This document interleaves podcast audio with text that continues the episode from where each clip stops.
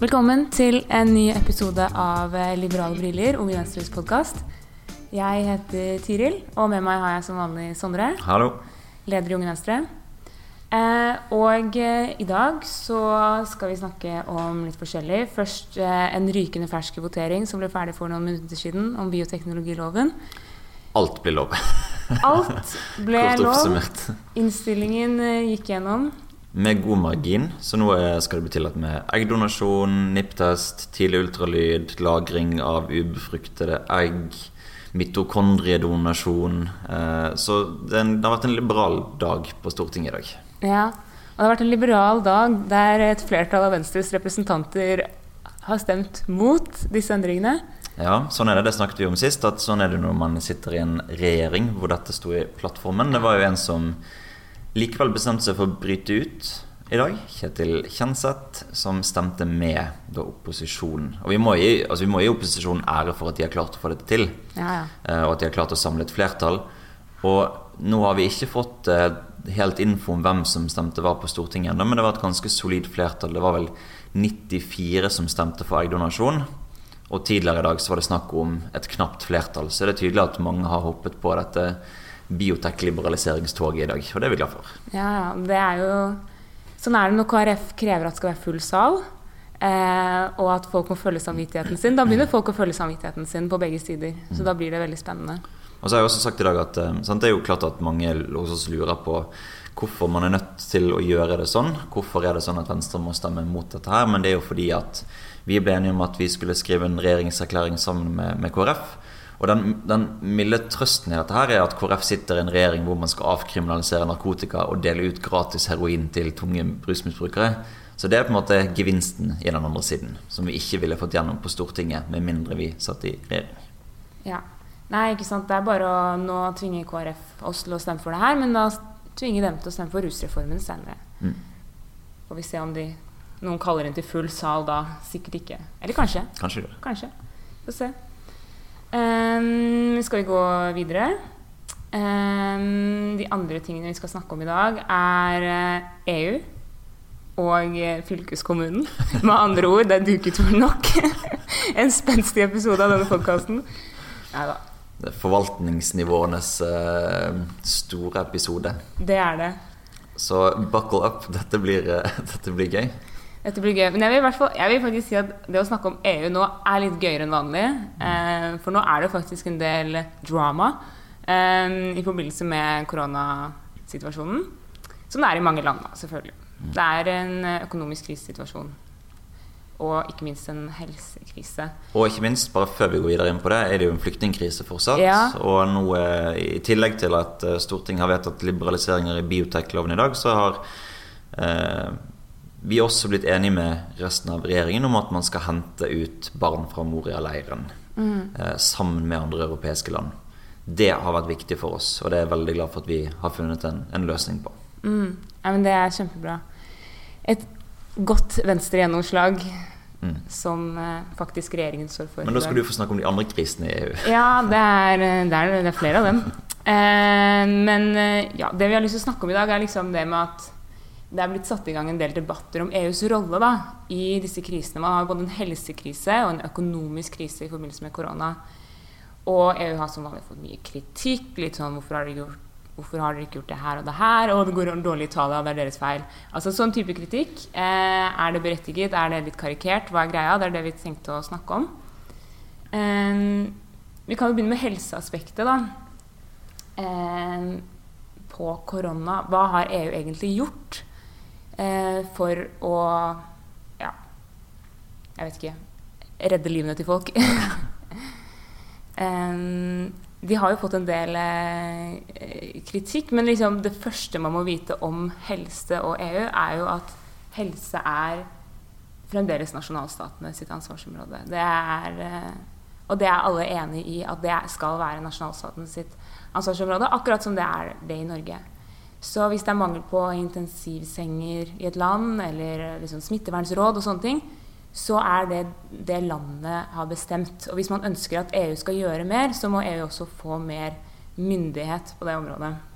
Som for så vidt er noe som egentlig vi ønsker. At vi skal få et uh, sterkere og mer eh, føderalt EU. Men det som er så rart i denne debatten, er jo at det er jo de som er mest mot EU, som klager på at EU gjør for lite. Og løsningen på det er jo åpenbart ikke å melde oss ut av alle internasjonale avtaler, det er jo å gjøre de sterkere. Når f.eks. Senterpartiet og SV bruser med fjærene og sier at EU gjør ikke nok, så er det fordi at de ikke har makten til å gjøre det. Og EU blir en sånn syndebukk for alt som er galt, mens de ikke har de nødvendige verktøyene for å fikse alt som mm. eh, Alt som måtte, krysser landegrenser, og alt som er galt med nasjonalstaten. Ja, ikke sant? og det er uh, ofte en gjenganger da, når man hører noen anklage sånn 'Jeg gjør ingenting på det her og sånn ofte så er det et område de ikke har myndighet på. Mm. Eh, og så Jeg kan huske liksom, jeg fra Senterpartiet eller var sånn Hvorfor gjør de ingenting for ungdomsledigheten i Europa?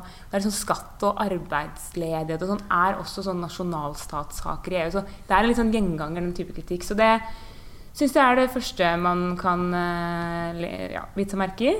Um, ellers så er det jo hva er det EU har gjort. De har gjort noen ting selvfølgelig innenfor helse. De har jo sånn folkehelsesamarbeid, eh, men det er liksom ikke sånn juridisk forpliktende, er mer sånn rådgivende. Folkehelsesamarbeid høres ut som et utrolig sosialdemokratisk ord. Det er kanskje ja. det mest sosialdemokratiske ordet du kan ytre. Når folk sier folkehelse, du må ha bredt fokus på det for, for, for folkehelsesamarbeidet. Når folk sier folkehelse, tenker jeg alltid på sånn derre man skal gå mer og spise mer grønnsaker.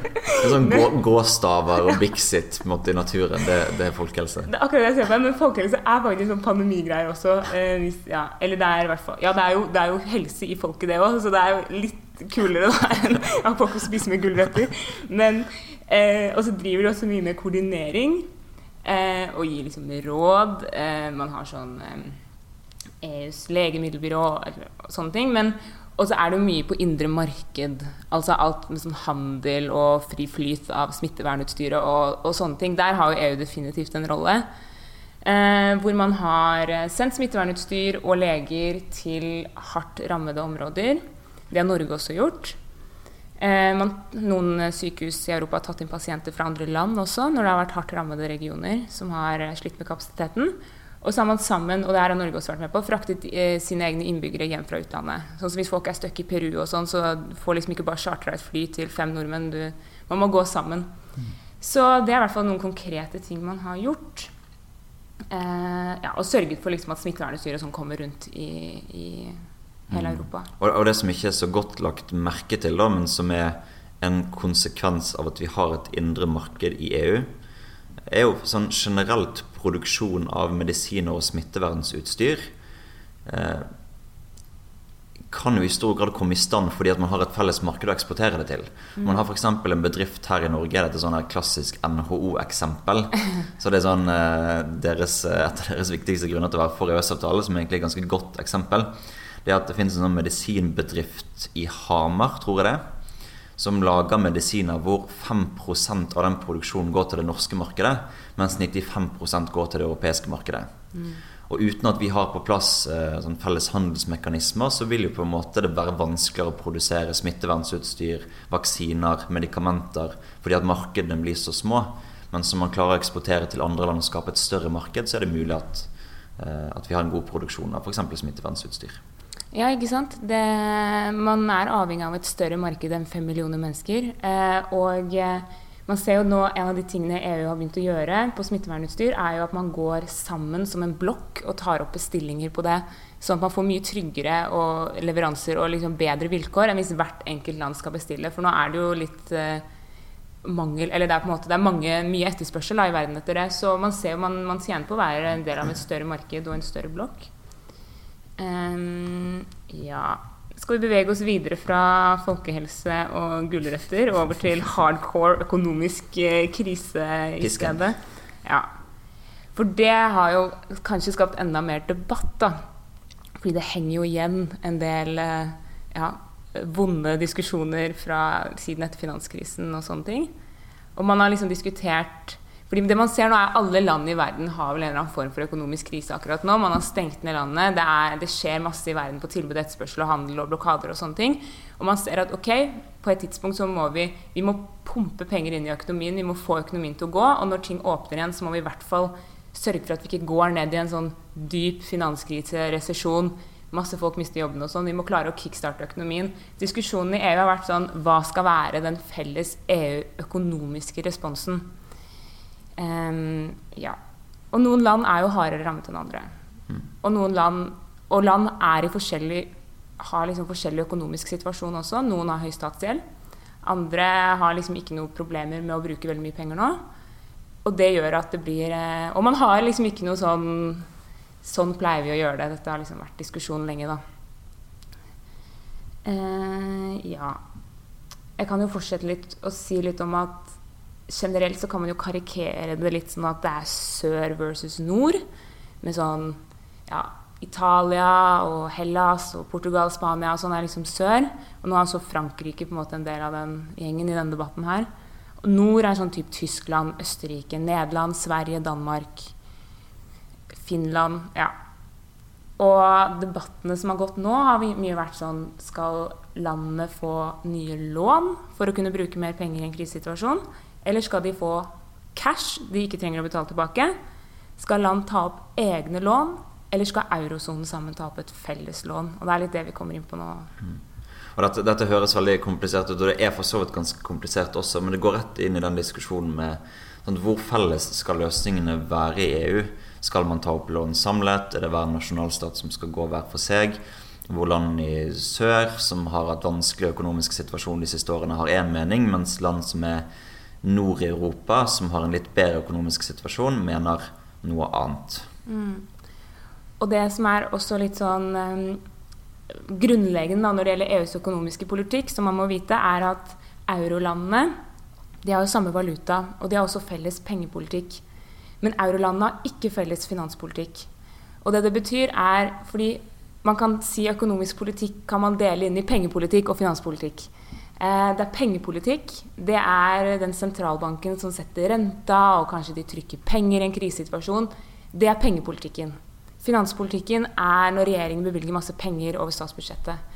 Så i Norge nå, når man har sett eh, økonomien har gått inn i en krise, så har Norges Bank senket renten, og så har regjeringen bevilget masse penger. Så man har brukt både pengepolitikken og finanspolitikken.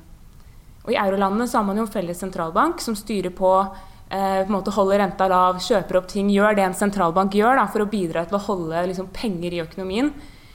Men finanspolitikken, der er som du var inne på, Sondre, landene i helt forskjellig situasjon. Og sånn Italia, da, f.eks. høy statsgjeld, hardt rammet av koronakrisen, eh, på en måte sier at vi får ikke til en recovery på egen hånd. Vi trenger hjelp økonomisk. Så da er det sånn, ja, hvordan skal de få det? For vi vet at disse landene er jo avhengig av hverandre økonomisk også. Um, I hvert fall av en så stor økonomi som Italia. Så det har vært sånn, Hva skal være vår felles finanspolitiske respons? Altså det at man skal bruke penger for å få i gang økonomien. Mm. Håper dette gir mening. Um, ja. Og um, det har jo, ja, som jeg er inne på, litt sånn sør-nord-debatt. Spesielt Italia, da, som har vært veldig hardt rammet, har bedt om overføringer. Man har bedt om å få ta opp At man tar opp felles lån, alle eurolandene. Det er det, hvis, man, hvis dere har lest om corona bonds eller eurobonds, så er det det det innebærer. Da, at hele eurosonen sammen tar opp felles lån.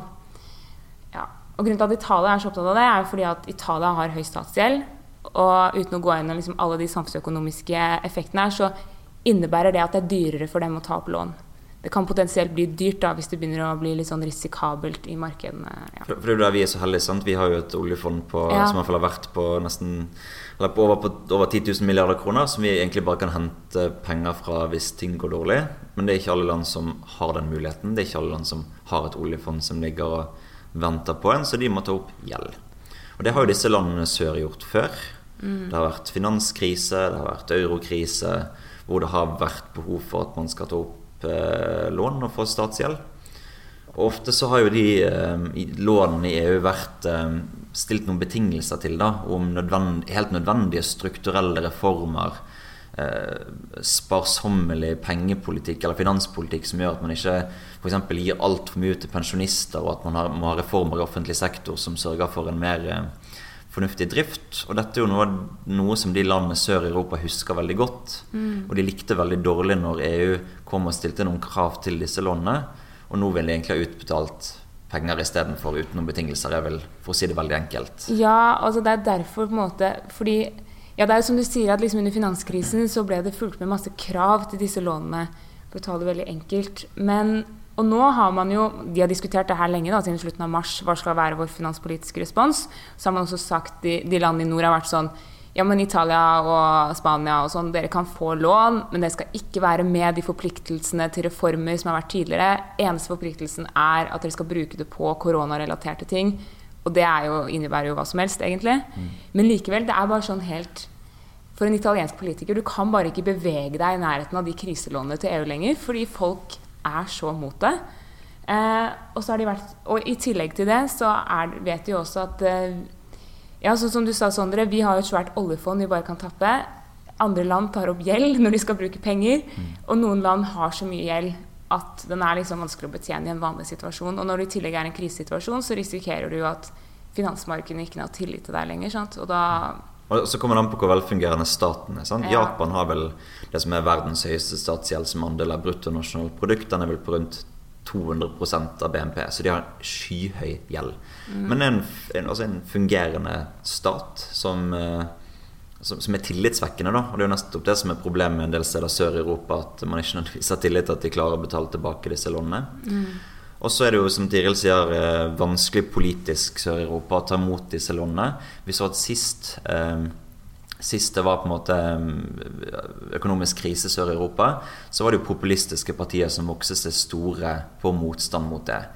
Sånn, I Hellas fikk du Syriza, du fikk eh, Lega Nord og Femstjernersbevegelsen i Italia. Du fikk Podemos i Spania, som er mer som populistiske EU-kritiske partier. Mens i nord, eh, hvis f.eks. Tyskland var med på å ta ansvar for Sør-Europa, ta imot flyktninger, eh, komme med økonomiske redningspakker, så er det også populistiske partier som vokser seg store i nord. Typ Alternativ for Deutschland mm. og andre eh, fascister, på en måte. ja, for Man ser jo nå at liksom, euroskepsisen i Italia har økt veldig. De føler seg sviktet. Eh, samtidig som for å ta liksom, den nordsiden av det, da, så har jo Tyskland og eh, Østerrike og Nederland og Finland de har lovet sine velgere at det at vi er med i euroen, betyr ikke at vi skal garantere for andres statsgjeld. Det skal vi aldri gjøre. Det skal aldri våre skattebetalere måtte gjøre. Um, så når det er nettopp det de blir bedt om, så er det også noe de ja, må ta hensyn til innenrikspolitisk. Så det er veldig sånn Det er litt uh, Det er vanskelig fra begge sider. Men det som skjedde, da, som vi kan avslutte litt med, er at Angela Merkel og Emmanuel Macron eh, har sammen laget et forslag til et sånn recovery fund til en finanspolitisk respons på 500 milliarder euro. Eh, som er en sum som er liksom Det er en god start, da. Men eh, den viktigste delen av det forslaget er liksom hvordan de finansierer det, og hvordan pengene deles ut. sånn som vi har vært inne på. Det er det som har vært diskusjonen her. Um, og det de foreslår da, det er litt sånn teknisk, men de foreslår at kommisjonen skal ta opp et lån. Så det blir felles lån, men det blir tatt gjennom kommisjonen og ikke gjennom liksom, for eurolandene. Og liksom, hva er egentlig forskjellen? Men ja, det Eurobonds da, som har diskutert mye, er veldig politisert. Det her er litt mer Det kan være starten på et tettere finanspolitisk samarbeid i EU, absolutt. Men det er eh, mindre kontroversielt, da. Mm. Um, det som er bra med det, er at dette vil jo også bety at f.eks. Um, ja, Sverige og Danmark, da, som ikke er euro, må jo være med på ja. å finansiere disse krisepakkene i EU og sørge for at man har en fungerende økonomi, et fungerende indre marked, at man har tillit til institusjonene i EU. Og Det er åpenbart det som Macron og Merkel er ute etter nå, å redde det felles europeiske prosjektet ved å sørge for at vi står i denne krisen sammen, vi tar opp lån samlet og hjelper hverandre ut. Så det er egentlig ganske positiv, et positivt utviklingstrekk for EU. Ja, ja. Det her kan absolutt være starten på et tettere finanspolitisk samarbeid. Og um, ja, pengene deles ut som cash, eh, ikke som lån. Og man tar opp lån felles gjennom kommisjonen, så sannsynligvis så nedbetaler man det gjennom EUs budsjett. Da. Så der har man jo på en måte litt allerede bestemt den, fordel eller den fordelingsnøkkelen bestemmes jo når man lager budsjettet. Um, og eh, det er jo ikke vedtatt ennå, men det ser ut som at det kommer til å gå i den retningen. Uh, det er jo på en måte noen av de usual, usual suspects som rasler med sablene, sånn Østerrike og, og Nederland og sånn. Men Em, det ser nok ut til at det går denne retningen. Så i så fall så blir jo dette et eksempel på hvordan Frankrike og Tyskland sammen kan eh, ja, løsne opp i en del debatter som står fast. Mm. Og så må vi, det har vi snakket litt om, vi må jo, eh, altså, dette viser jo først og fremst at ting er ikke så ille i EU som man skal ha det til. Eh, ting går i all hovedsak bra. Man er på vei i riktig retning når man foreslår denne type krisepakker og krisetiltak. Og det vi har snakket om, er jo at hver gang det virker Hver gang folk, altså politikere i EU krangler, så tror alle at ting går under. Men sånn er det på ingen måte. For EU er en samling av masse forskjellige politikere fra alt fra ytre høyre til ytre venstre som skal bli enige om løsninger. Og det at folk krangler, eh, er ikke nødvendigvis dumt, eh, og gjør ikke at EU er i ferd med å bryte sammen.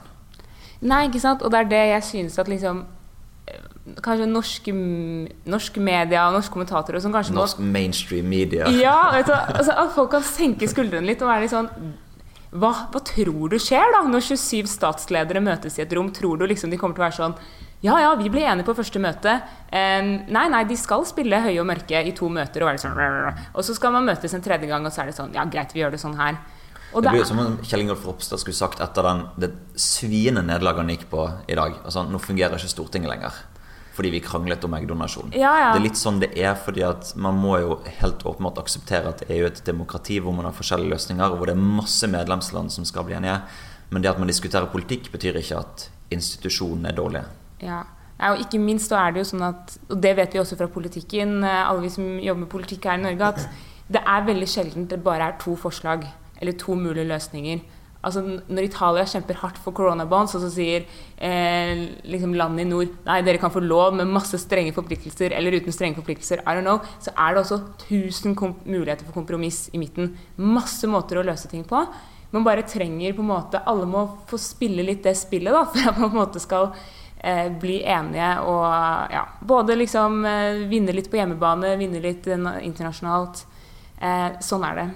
Så, men altså for all del, det er liksom en alvorlig økonomisk situasjon i EU, men det betyr ikke at euroen kommer til å falle fra hverandre i morgen. Liksom. Det, det trenger man ikke å være redd for.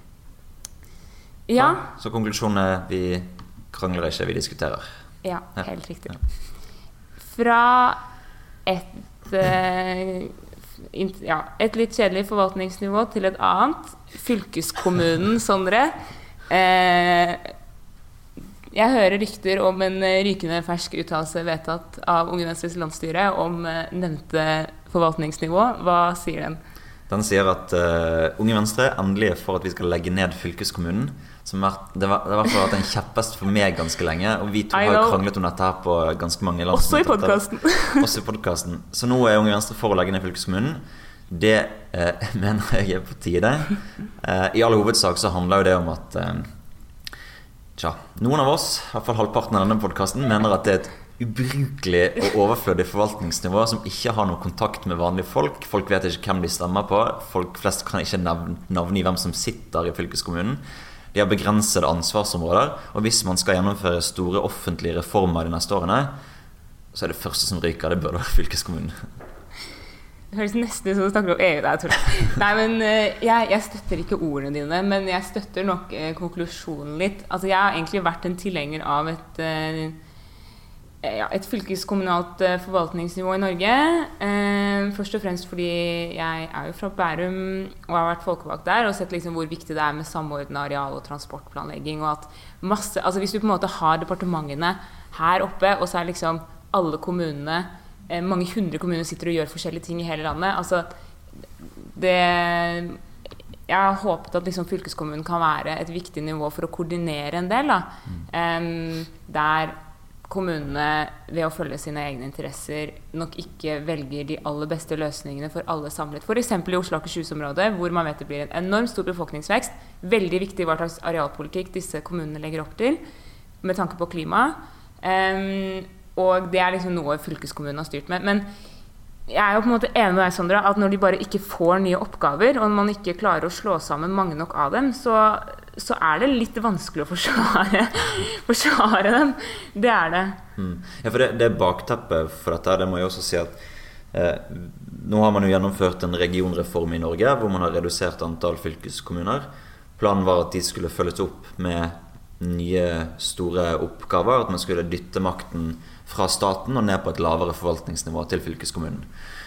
Eh, I løpet av de siste ukene så har man droppet egentlig ganske mange av disse flyttingene av oppgavene. Man skulle se på om man kunne gi barnevernsfunksjoner, eh, altså dytte det lenger ned.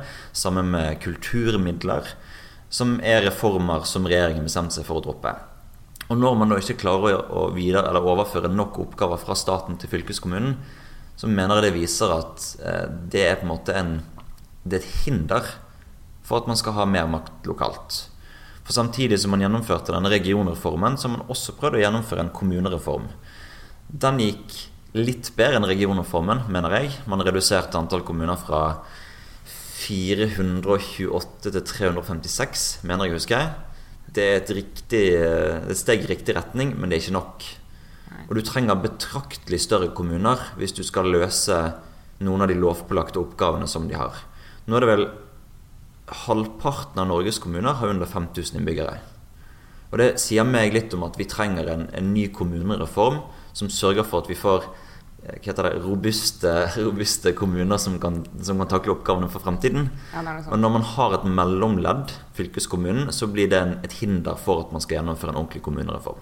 Jeg mener at eh, kommunene kan bli godt egnet til å ta ansvar for videregående opplæring, som i dag fylkeskommunen har ansvar for tannhelsetjenester, mer kulturminnevern, er ting som lokalpolitikere egentlig kan fikse ganske greit. Mm. Ja, nei, det er litt sånn ja, jeg er enig i at en forutsetning må nesten være en skikkelig kommunereform. fordi mm. altså, Nå har man kommuner som ikke engang på en måte, klarer å ha et eget barnevern, og så skal de ha ansvar for Du har Utsira, som har liksom er det, to, 213 det 200. innbyggere. Ja. Hvor jeg hørte at det er en lege på plass hver 14. dag. Liksom. Det er jo ikke, det er ikke liv laga. Nei, ikke sant. Og jeg skjønner på en måte at folk har identitet i stedsnavn og sånne ting, men det er bare, vi har ikke kommuner pga. det. Vi har kommuner for å levere tjenester til folk. Så det Nei, men så, så det må nesten være en forutsetning. Men eh, ja, jeg kan si at eh, jeg nok har beveget meg litt her. Jeg vet ikke hvor lenge jeg å, jeg gidder å fortsette å forsvare fylkeskommunen når, de, når man gjør dem så lite likeable. Men eh, det var kanskje det for i dag. Ja. Det var biotek og to kjedelige forvaltningsnivåer. Yes, det var det. Vi snakkes senere. Ha det godt. Ha det bra.